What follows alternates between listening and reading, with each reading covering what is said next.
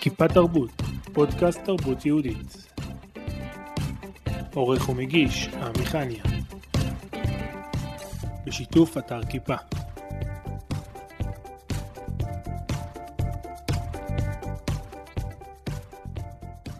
שלום לתקווה קמיר, ערב טוב. יש לך סיפור מאוד מעניין, אשמח כן. לשמוע את ההתחלה. אני אה, גדלתי אה, ברובע היהודי, ירושלים. אה, ילדות רגילה, תמיד הייתי בן אדם בריא. שירות לאומי עשיתי ביולדות בבית חולים ביקור חולים.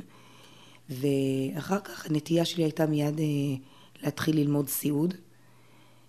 תמיד הייתי בן אדם טיפולי, מטפל באנשים, אני אוהבת את זה מאוד, מאוד מתחברת לעניין הזה.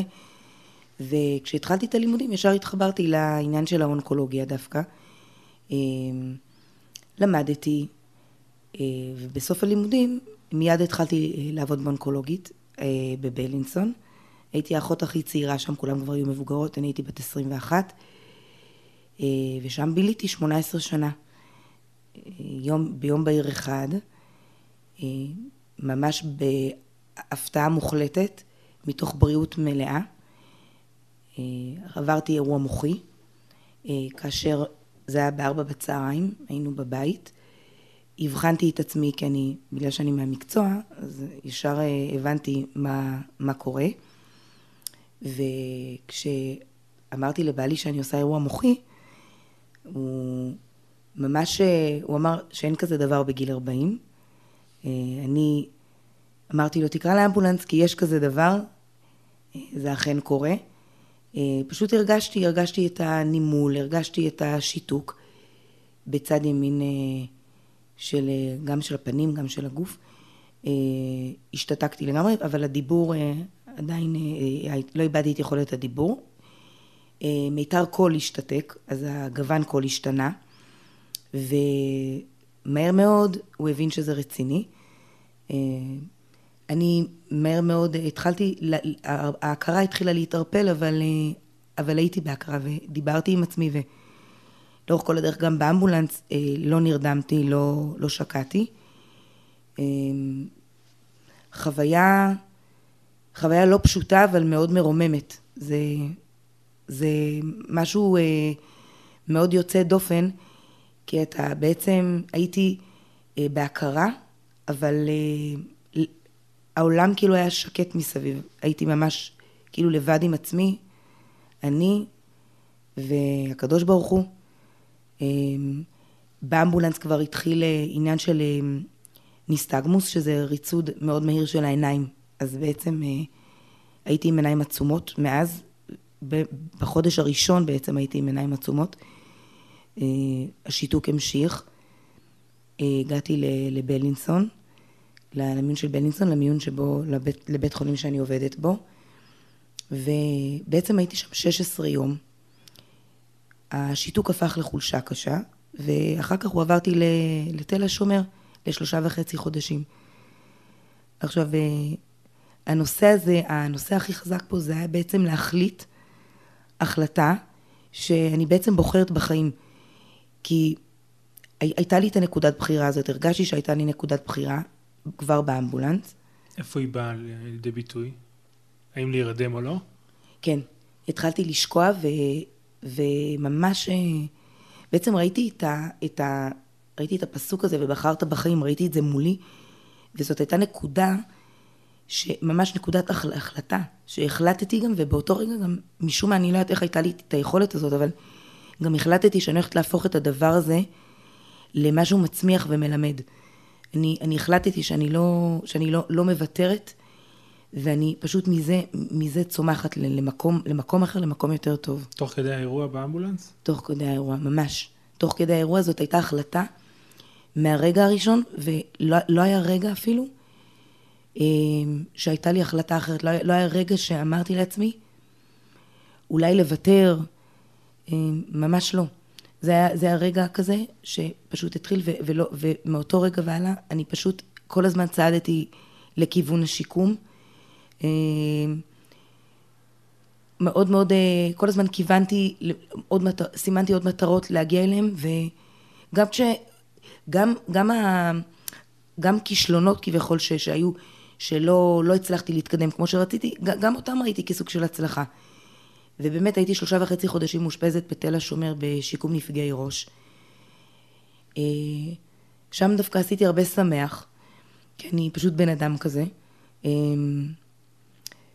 ניסיתי לעודד, היו שם אז חיילי צוק איתן, אז הייתי הרבה בקשר עם האימהות. איזה שנה אנחנו מדברים? אנחנו 2015, פברואר 2015, שזה בעצם אה, כמה חודשים אחרי, אחרי צוק איתן, והחיילים שם עדיין, החיילים היו, והאימהות היו, וקשרתי קשרים שם עם האימהות, וזו הייתה תקופה מאוד מאוד אה, מיוחדת. בשבועות עשיתי להם ערב גבינות ומים, כי אסור לשתות יין, והאמת שעשיתי שם המון המון אמנות.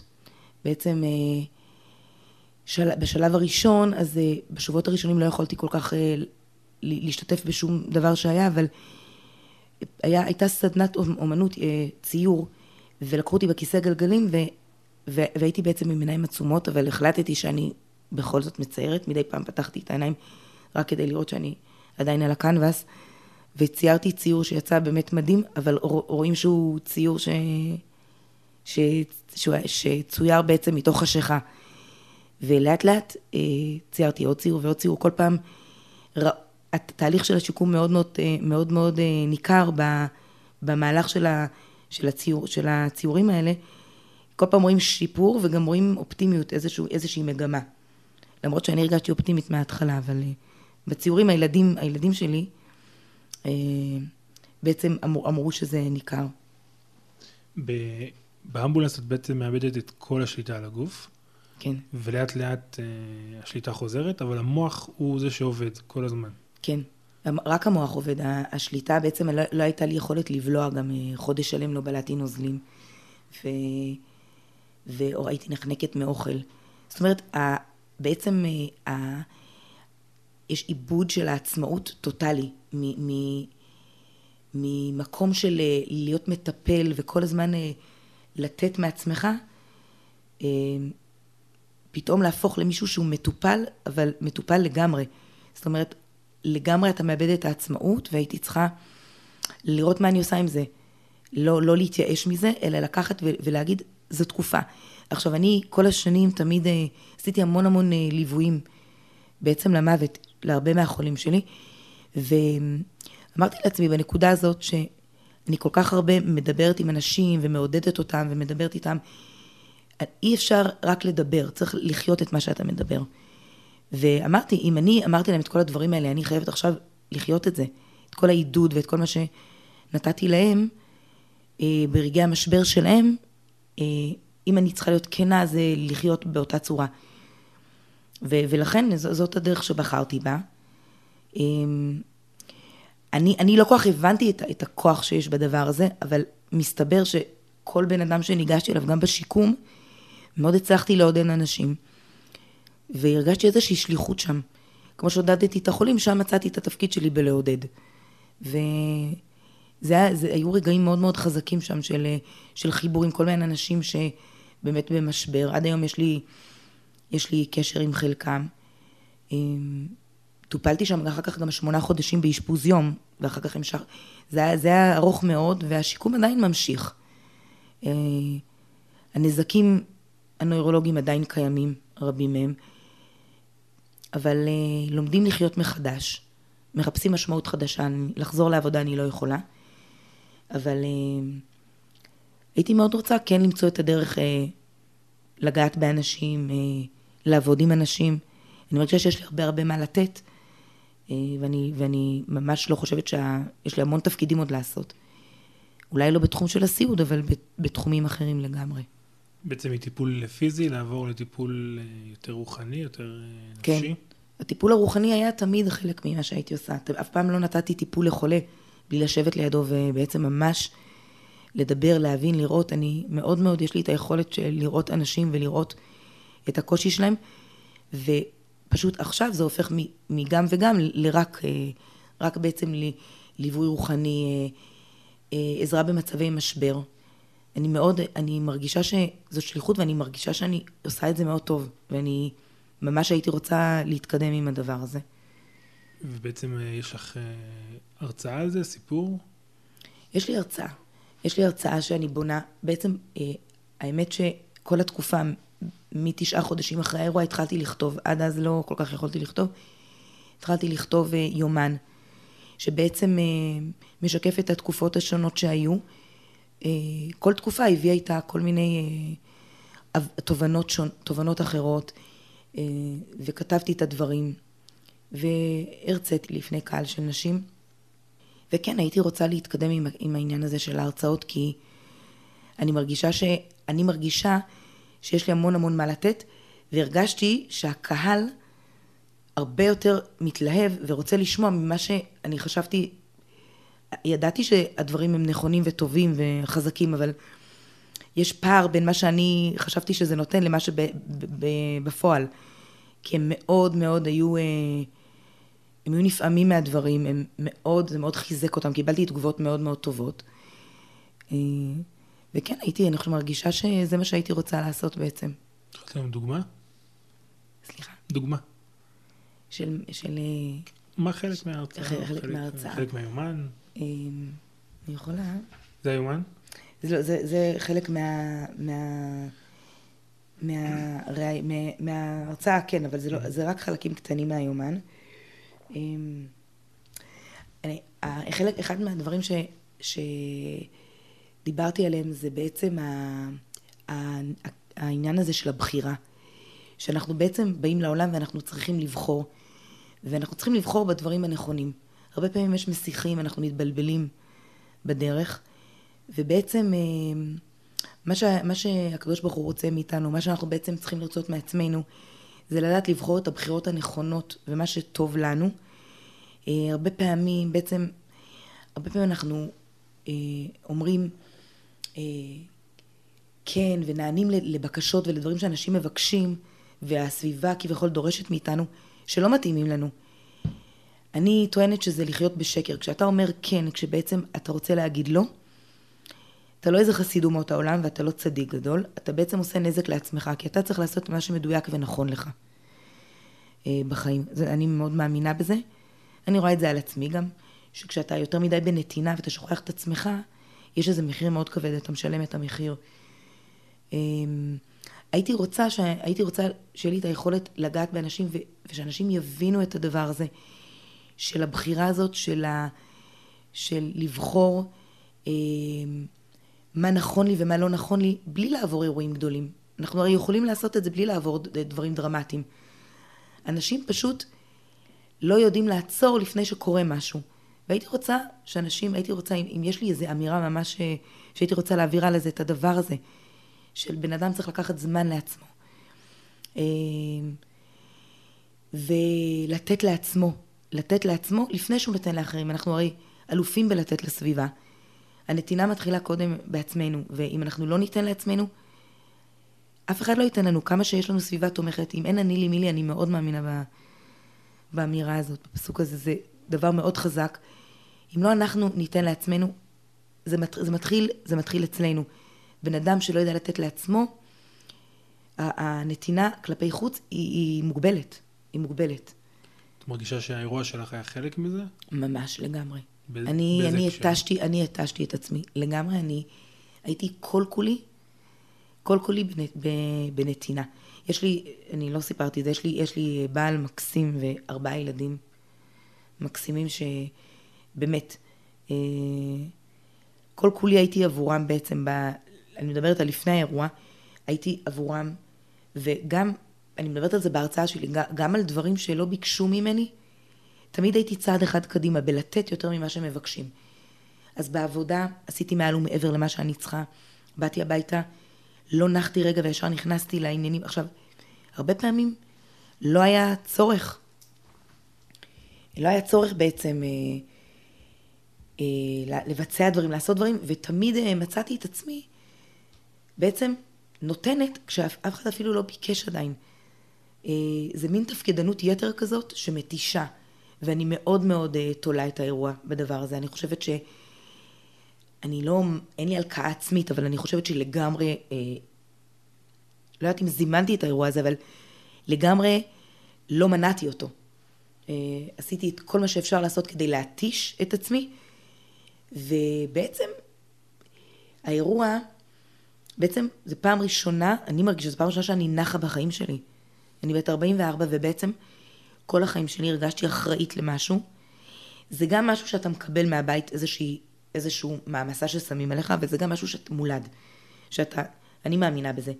יש אנשים שפשוט נולדים עם אישיות כזאת של נתינה, ובעצם הם אמורים ללמוד לאזן את זה בחיים.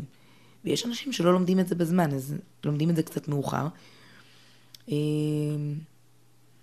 אני, אני מרגישה, אני מרגישה שזה אולי קצת אה, יישמע מוזר, אבל אני ממש מרגישה שהאירוע הזה וכל מה שעכשיו עובר עליי מאז עברו שלוש שנים הרי, זאת מתנה אמיתית. אני ממש מרגישה את זה, ואני לא, לא סתם אומרת את זה. לפעמים אנשים מרימים גבה, ולא כך, זה, זה לא כל כך אמין להם, אבל אין דבר יותר אמיתי שאני יכולה להגיד.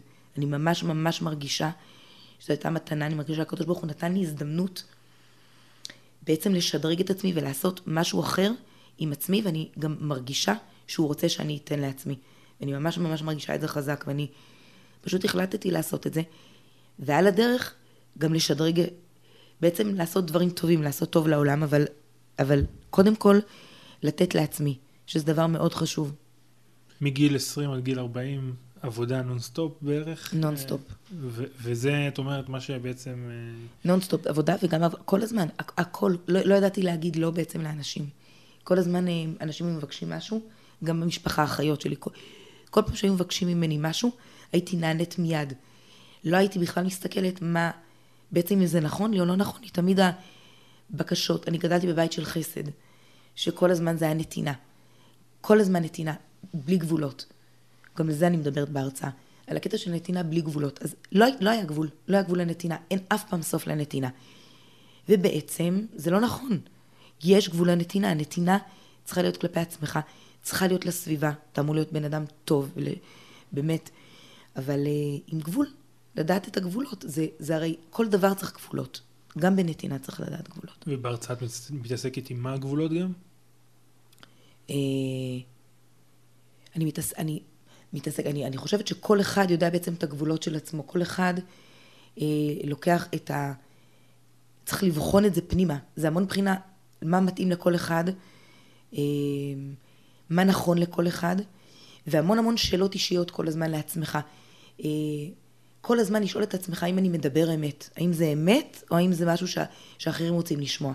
אתה כל הזמן צריך להיות בשיח, אני מדברת על שיח פנימי, כל הזמן שיח. אה, יש אנשים שמנותקים מעצמם תקופות ארוכות בתוך ה... בעצם טירוף של היום-יום.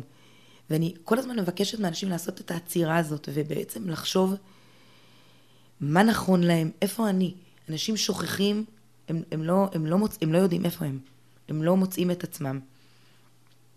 את מרגישה שעכשיו, ככה, אחרי, אחרי השיקום, או תוך כדי השיקום, במצב תפקודי מתקדם מאוד, זה, את באמת, אה, אימא יותר טובה, אישה יותר טובה, אה, נותנת יותר טוב לאנשים בזכות השינוי בחשיבה הזה? אני חושבת שאני אימא טובה ובן אדם טוב ועושה לאחרים אה, תמיד הייתי, ומהבחינה הזאת נשארתי, אבל הנתינה, בעצם הנתינה לעצמי מאוד מאוד השתפרה, ואני חושבת שזה דבר נפלא, המנוחה, זה דבר שאני לא מכירה. מלפני כן, והעניין הזה של המנוחה ושל הלנשום ושל הלשבת והיכולת הזאת לעשות הפסקה ולחשוב, הזמן הזה הוא, הוא זמן שהוא כל כך יקר. אה, מרוץ אף פעם לא נגמר, תמיד יהיה מה לעשות, תמיד יש תפקידים, תמיד יש מטלות. אבל המקום הזה של להיות עם עצמך, לבחון את עצמך, להיכנס פנימה, להסתכל פנימה, לבחון זה דבר שהוא מתנה גדולה, וברור שאני היום עושה את זה בגדול. אה, זאת הייתה עבודה מאוד, מאוד גדולה בשבילי, כי אני ממש לא ידעתי לעשות את זה, אני ממש, כל הזמן הייתי בתפקדנות יתר. ואני מאמינה שהנתינה הזאת לעצמי גם משדרגת את הנתינה לאחרים. אה, אולי זה ממקום יותר שלם, אבל אה, גם אני קצת פחות מגוננת על הילדים, שהייתי מאוד מאוד מגוננת, מאוד מאוד סביבם 24 שעות, וילדים באמת, זה עוד נושא שאני מדברת עליו בהרצאה, ילדים צריכים את המקום הזה של לצמוח לבד, וצריכים את המקום הזה שלא כל הזמן מנהלים להם את החיים, הם צריכים את המקום הזה של, אה, של העצמאות, שזה גם, הילדים שלי, המעבר החד הזה מ... מ מאימא שעוטפת מאוד לאימא שמאושפזת ארבעה חודשים ולא נמצאת בבית, זה מעבר מאוד חד. אה, יש לי בעל אה, באמת יוצא דופן שהצליח באמת אה, לרקוד על כל החתונות ובאמת לטפל בבית, לטפל, לטפל בכולם, שזה היה משהו מאוד מאוד יוצא דופן, באמת. אני לא הייתי מופתעת ממנו, כי אני באמת, זה הוא, פשוט באמת בן אדם עצום. אני באמת לא יודעת איך הוא עשה את זה. את כל, את כל, את, איך, איך הוא הצליח עם הבית, עם העסק, שהוא עצמאי והכל ביחד. זה די מדהים בעיניי. זהו, וביחד אה, הסוד הגדול בשיקום, ואני תמיד אומרת את זה לאנשים, גם כשהייתי, גם כשהייתי, עבדתי כאחות, שאנשים הם לא גלויים עם ילדים. במצבי משבר, הרבה פעמים אנשים נוטים לא לספר דברים לילדים, הילדים יש להם דמיון מאוד גדול, ואם לא מספרים להם, הדמיון הרבה יותר גרוע מהמציאות. הם מדמיינים דברים נוראים. ולכן הדברים הם מאוד מאוד פתוחים ומאוד גלויים מהיום הראשון. הבן שלי אז, הקטן היה בכיתה א', אהוד, והוא הלך והסביר בכיתה מה זה כריש במוח. ילדים בכיתה שאלו אותו איך נכנס לאמא שלך כריש למוח. הם חשבו שזה הכריש כריש, אבל... אה, מהר מאוד הוא היה בא, מספר בכיתה על הצעד הראשון שעשיתי. בעצם הם היו שותפים לכל התהליך של השיקום, ואני מאמינה שזאת הסיבה שהם יצאו מחוזקים מאוד מהדבר הזה. אני מדברת על זה גם בהרצאה, על הקטע של להיות גלוי עם הילדים, לספר. ככל שאנחנו יותר גלויים, הם גם יהיו גלויים איתנו. הקטע הזה של השיתוף, זה אתה נותן ומקבל חזרה. וזה דבר מאוד מאוד חשוב, ואני מרגישה שזה מאוד מאוד עזר להם בתהליך הזה. עברת מהצד המטפל לצד המטופל. מה ההרגשה שפתאום את לא בצד הנותן, החזק, המחליט, פתאום למקום הפסיבי שהוא מאוד מחליטים בשבילו. כן, הרגשה, הרגשה אה, לא פשוטה בכלל. אה, אי אפשר להגיד שהייתי פסיבית אפילו לא לרגע, גם כשהעיניים שלי היו עצומות, ממש אה, הייתי מאוד אקטיבית בטיפול בי, וממש ממש הייתי עם עיניים עצומות, אבל ממש ידעתי מה קורה. ידעתי בדיוק אה, מה אני צריכה לקבל, מה... אני ביקשתי את הטיפול שאני חושבת שאני צריכה לקבל, הייתי גם אה, מנהלת משא ומתן כל הזמן על דברים.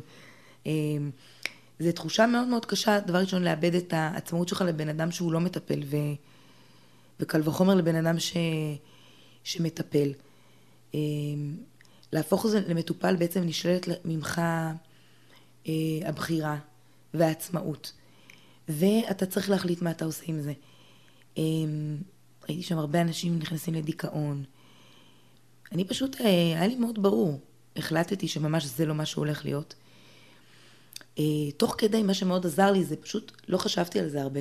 לא חשבתי על העניין הזה שעכשיו אני מאוד מאוד אה, לא עצמאית ומשותקת, ואחר כך עברתי עם זה תהליך של להבין בעצם איפה הייתי, אבל כדי לתפקד במצבי משבר, אתה לא יכול להיות מחובר למשבר. במצב שהוא חריף. אתה, אתה, מתפ... אתה כל הזמן, אם, אם אתה תשקע בתוך זה ותתחיל לחשוב מחשבות, זה לא יעבוד. ידעתי שאני אפגוש את זה אחר כך, באמת, חודש אחרי התחלתי לאבד את העניין, אבל בחודש הראשון שהייתי ממש אה, במצב מאוד קשה, אז ממש אה, אה, תפקדתי, אה, כל הזמן חשבתי על השיקום, חשבתי על הצעד הבא.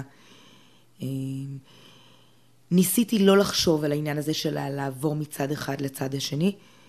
אמ, רק, אני מאוד מאמינה שזה היה מדויק, השלבים.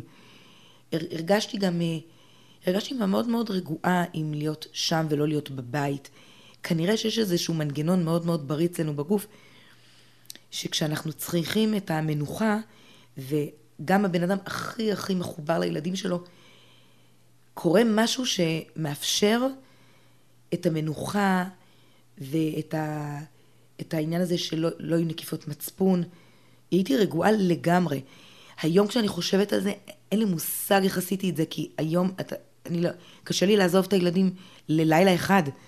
אז אני לא מבינה איך הצלחתי ארבעה חודשים לא להיות בבית, אבל הצלחתי לא להיות בבית, ובעצם הייתי עם עיניים עצומות, אז גם כשהגעתי הביתה, אז בעצם עבדו עליי כל הזמן שהבית נורא מסודר ונקי, ואני הייתי, הייתי מאמינה להם, ואחרי חודש שפתחתי את עיניי, לפתע פתאום פגשתי מציאות אחרת. אבל גם אז הייתי, זה היה מאוד קשה. העניין הזה שאתה מתחיל קצת להיות, אה, לפתוח עיניים ולראות, ואין לך את היכולת לעשות. זה הרבה יותר קשה, ככל שהתקדמתי, זה אולי נשמע הפוך, אבל ככל שהתקדמתי זה, זה נהיה יותר קשה. כי אתה מבין כמה אתה מוגבל, ואתה רוצה לעשות, והגוף קצת מתחזק, אבל, אבל הראש לא. ובעצם אפילו שלוש שנים אחרי עכשיו, אמ, בעצם האנרגיה שלי היא מאוד חיובית, אני מאוד מאוד רוצה לעשות, אבל אין לי את היכולת. אה, יש לי חוסר בעצם, חוסר תחושה בפלג גוף שמאל. יש לי, האירוע היה בגזע המוח, אז הוא, הוא בעצם משפיע על שני הצדדים. אז אני מאוד, אני לא יציבה בהליכה, אני נעזרת עדיין במקל. ומה שהכי קשה זה שאני צריכה לנוח כל איזה שעתיים, אני צריכה לשכב. אה, תחושה כזאת מוזרה בראש, עייפות מאוד גדולה. ובעצם המקום הזה, היום בעצם זה, זו, זו האמת. אה, היום זאת האמת, זה, זה הנקודה אה, של האמת שאתה, שאני עומדת מול עצמי, ו... ואומרת לעצמי, עד עכשיו היית בעצם בשיקום, עכשיו את צריכה ללמוד לחיות את החיים האלה עם הנכות ועם המגבלות. זאת האמת. זה, זה, זה, זו, אלה החיים האמיתיים.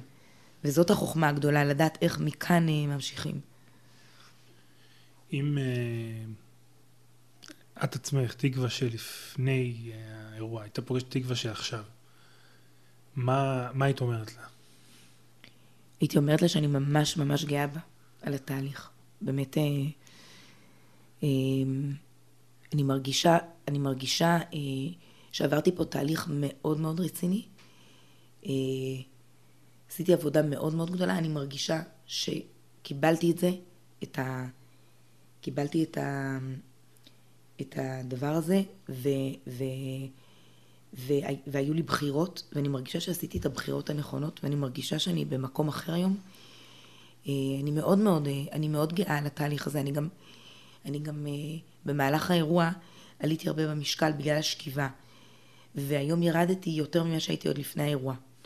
וזה לא פשוט כי אני בבית, אני יכולה לאכול מקרר שלם, ואני פשוט עשיתי את העבודה הזאת עם השינוי הרגלי תזונה, ואין בעצם, אין בעצם מטרה שלא הצבתי לעצמי, ש, שלא, שלא, שלא הגעתי אליה. כל פעם אני מציבה מטרות, ואני, ובעצם אלה, זה החלטות. כל מה שבן אדם מחליט, אני מאוד מאמינה בזה, אני גם מדברת על זה בהרצאות. כל החלטה שבן אדם מחליט, הוא יכול לעשות. אין, אין, אין, אין גבול. אין גבול. אמ, ככל שמציבים מטרות גבוהות יותר, מגיעים יותר רחוק. אה, אני ממש מאמינה בזה, אני חיה את זה. ו... ובעצם עכשיו המטרה, המטרה הבאה שלי היא, בעצם לאזור אומץ וכוחות, להתחיל להפיץ את, ה, את כל מה שכתבתי, את ההרצאות, אמ, לשתף עוד אנשים. אמ, מאוד מאוד הייתי רוצה, כמו שאמרתי לפני כן, ש... שאנשים אה, בעצם רגע אחד לפני, שיתפסו את עצמם, שיעשו את התהליך הזה עם עצמם, שייתנו לעצמם זמן, ש... שכדי למנוע, למנוע בעצם את ה... למנוע את הדברים האלה. לא צריך, לא צריך את הדברים, לא צריך לקבל כזאת בומבה. אה, כדי, כדי לשנות דברים. ו- וזה מה שהייתי, זה, זה מתנה שהייתי רוצה לתת לאנשים בעצם. כחלק מהתהליך של השיקום, התחלתי להתעסק עם אומנות גם כן? מעבר לכתיבה ו... כן, ודיבור? אז, אז בעצם אה, בשיקום אה, התחלתי עם הציור. אהבתי תמיד לצייר, אבל אף פעם לא היה זמן. אז התחלתי, התחלתי עם הציור. אה, היו, פעם בשבוע היו מגיעים מתנדבים. ו, והיו מציירים איתנו, ואז הגיעה אישה מקסימה, שבהתנדבות אה, בעצם אה, לימדה אותנו ריקודי בטן בכיסא גלגלים, בישיבה. ובעצם עשינו את זה, אני והחברה שלי, לחדר שהייתה בחורה בת 25 אחרי אירוע מוחי, והתחלנו עם זה. וזאת אישה מאוד מאוד מאוד אומנותית, ש, שבעצם אה, אה, גם היא עשתה הרבה הרבה, היא עבדה עם עיסת נייר, אה, אישה מדהימה. ואז התחלנו עם עיסת נייר, שזה גם היה יותר פשוט, כי לא צריך המון כוח בשביל עיסת נייר בידיים, שהייתה לי חולשה קשה בידיים. אז uh, יצרתי המון מעיסת נייר, והתחלתי גם לעבוד בקרמיקה, שכמובן לא על אובניים, כי לא היה לי כוח בידיים, אבל התחלתי ליצור, uh, התחלתי ליצור כלים קטנים, ולאט לאט הם גדלו, והתמקצעתי בזה, מאוד מאוד אהבתי את זה. Uh, בהתחלה היה קשה להגיע בגלל העייפות, אבל אחר כך לאט לאט ממש אהבתי את זה מאוד. עבדתי בצביעת קדים, מה זה עבדתי? אה, בתל השומר יש, אה, יש משתלה, והייתי עוזרת לה לערבב צבעים בגוונים שאנשים היו, זה, מש, זה משתלה שאנשים באים ובעצם לוקחים קדים גם לחתונות, לשולחנות, אנשים זה... והכספים הולכים לשדרג את, ה, את המשתלה הזאת. אז uh, הייתי עוזרת לה לערבב צבעים, צובעת קדים, שותלת, הכל בכיסא גלגלים.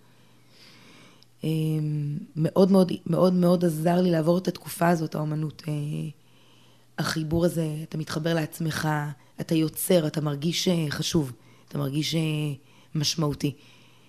כי יש רגעים שזה לא פשוט ואתה בעצם בחוסר מס, ובעצם באומנות אפשרו לי גם לקחת צבעים למשך השבוע, ואז בערבים הייתי בעצם הולכת לחדר האוכל הגדול עם הצבעים, ואני עם הקנבסים והייתי ממשיכה את הציורים בלילות עד מאוחר. הייתה שם גם מישהי, אה, אחרי איזשהו פיגוע, שגם אה, מישהי שחברה מיקיר גם, והיא לימדה אותי, היא גם ציירת, אז היא לימדה אותי אה, שרטוט, אז גם עשיתי המון עם עפרונות פחם. והמקום הזה של האומנות הוא מקום מקסים, שגם במצבי משבר שהיית בבית, של רגעים כאלה, של כל מיני בשורות לא טובות לגבי המצב, או רגעים של נפילות כאלה. אה, הייתי לוקחת חמר, מתחילה ליצור. זה מאוד מאוד עזר לי לעבור את התקופה. אה, עדיין, עדיין עוזר לי לעבור את התקופה. אה, במה יצירות עוסקות? יצירות, המון בציפורים. אוקיי. עיסת נייר, עיסת נייר זה ציפורים, והתמונה התלת-ממדית האחרונה הייתה ציפורים. הציורים בעצם הראשון, הציור הראשון ש, שבעצם אה, יצרתי בעצימת עיניים, זה בעצם אה, מפלים ומשהו מאוד מיוחד, אבל בלתי מזוהה. אה, אחר כך זה, זה, הציורים הפכו לאט לאט ליותר חופש ודרור. בהתחלה הציור השני היה אה, בעצם עם מסע, מישהו עם מסע כבד על הכתפיים, ואחר כך הבא בתור היה יותר מואר, וה... האחרון היה בעצם כבשים באחו, שזה היה מדהים, זה רבייה כזאתי. ואז באתי הביתה והתחלתי ליצור גם בתלת מימד. אה, גם קרמיקה, המשכתי לעשות בבית.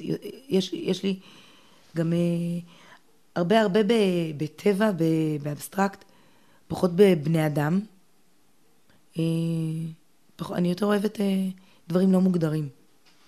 וציפורים זה כחלק מהחופש והשחרור? כן, קראתי, קראתי, ל, ל, יש שם, יש שם ציפור אה, אימא, שזה בעצם אה, ציפור השיקום, ובעצם יש לה, יצרתי גוזל לידה שבעצם לא יכול לעמוד לבד.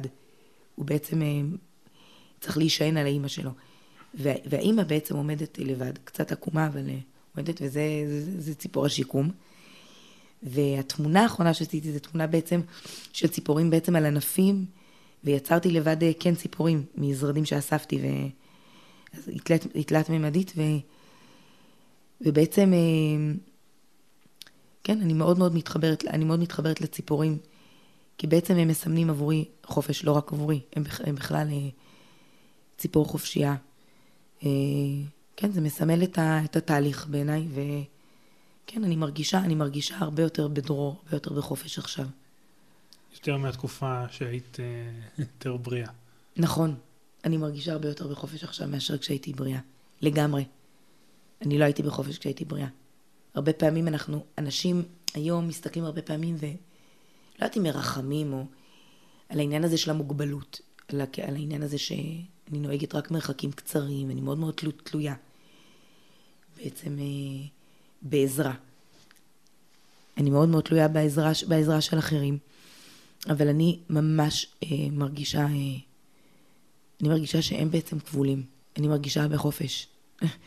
אני מרגישה, יש, אני, זה לא פשוט להיות תלוי, אבל העניין הוא שאני המון בוחרת עכשיו, יש לי המון בחירות. אה, לא, לא, לא היו לי בחירות לפני כן, או שלא בחרתי נכון פשוט. תמיד יש בחירה, זה לא נכון, תמיד יש בחירה, פשוט בן אדם בוחר אם לבחור או לא, להיות בחירי. אה, את יכולה לתת אה, דוגמה לבחירה? אה, כן, כשאני יצאתי מהשיקום בתל השומר, הם אמרו שאני אשאר עם הליכון כל החיים. ואני בחרתי שלא... הליכון לי... זה השלם? הליכון, הליכון זה אחרי כיסא גלגלים, זה עם גלגלים. אוקיי. אה, ואני החלטתי שאני לא נשארת עם הליכון. ואני עשיתי, ואני המשכתי עם השיקום, וגם אחרי ששחררו אותי מהשיקום של האשפוז יום, המשכתי עם, אה, זה נקרא ססיות. זה אחרי צהריים, זה לבנות תוכנית לבד, ול, ול, וקצת אה, לריב עם קופת חולים. ולא הסכמתי לעזוב את תל השומר, המשכתי לבוא לטיפולים שאני הרכבתי מה שנכנס לי ביום, ועשיתי עבודה קשה, והיום אני נעזרת במקל. זאת בחירה. אה, יכולתי להישאר עם הליכון. אה, זאת אחת הבחירות שלי. אה, הבחירה הראשונה שסיפרתי עליה, לבחור בעצם בחיים, שיכולתי גם לא לבחור בחיים. בעצם באמבולנס הייתי עם 40 דופק. אה, כן, הייתי בדרך החוצה, וזה היה לי באמת רגע של בחירה. אה, זה בחירות קטנות ובחירות גדולות, אה, ש, שממש הרגשתי ממש חופשייה לבחור, שיש לי עכשיו את היכולת לבחור, ואני אחיה עם מה שאני בוחרת. אני רוצה רגע עוד נקודה לגבי הכתיבה. זו הייתה החלטה גם כן בחירה להתחיל לכתוב? זה היה לפני כן? לגמרי. אני לא ידעתי שאני אכתוב מההתחלה. אני, אה, לא הייתה לי את היכולת כוח לכתוב, ידיים שהיו מאוד חלשות. אה, היה לי, היו לי המון המון דברים בראש, המון מחשבות, אבל לא, לא כתבתי אותם, ו, וכשיצאתי בעצם, תמיד הייתי כותבת, גם בתור ילדה.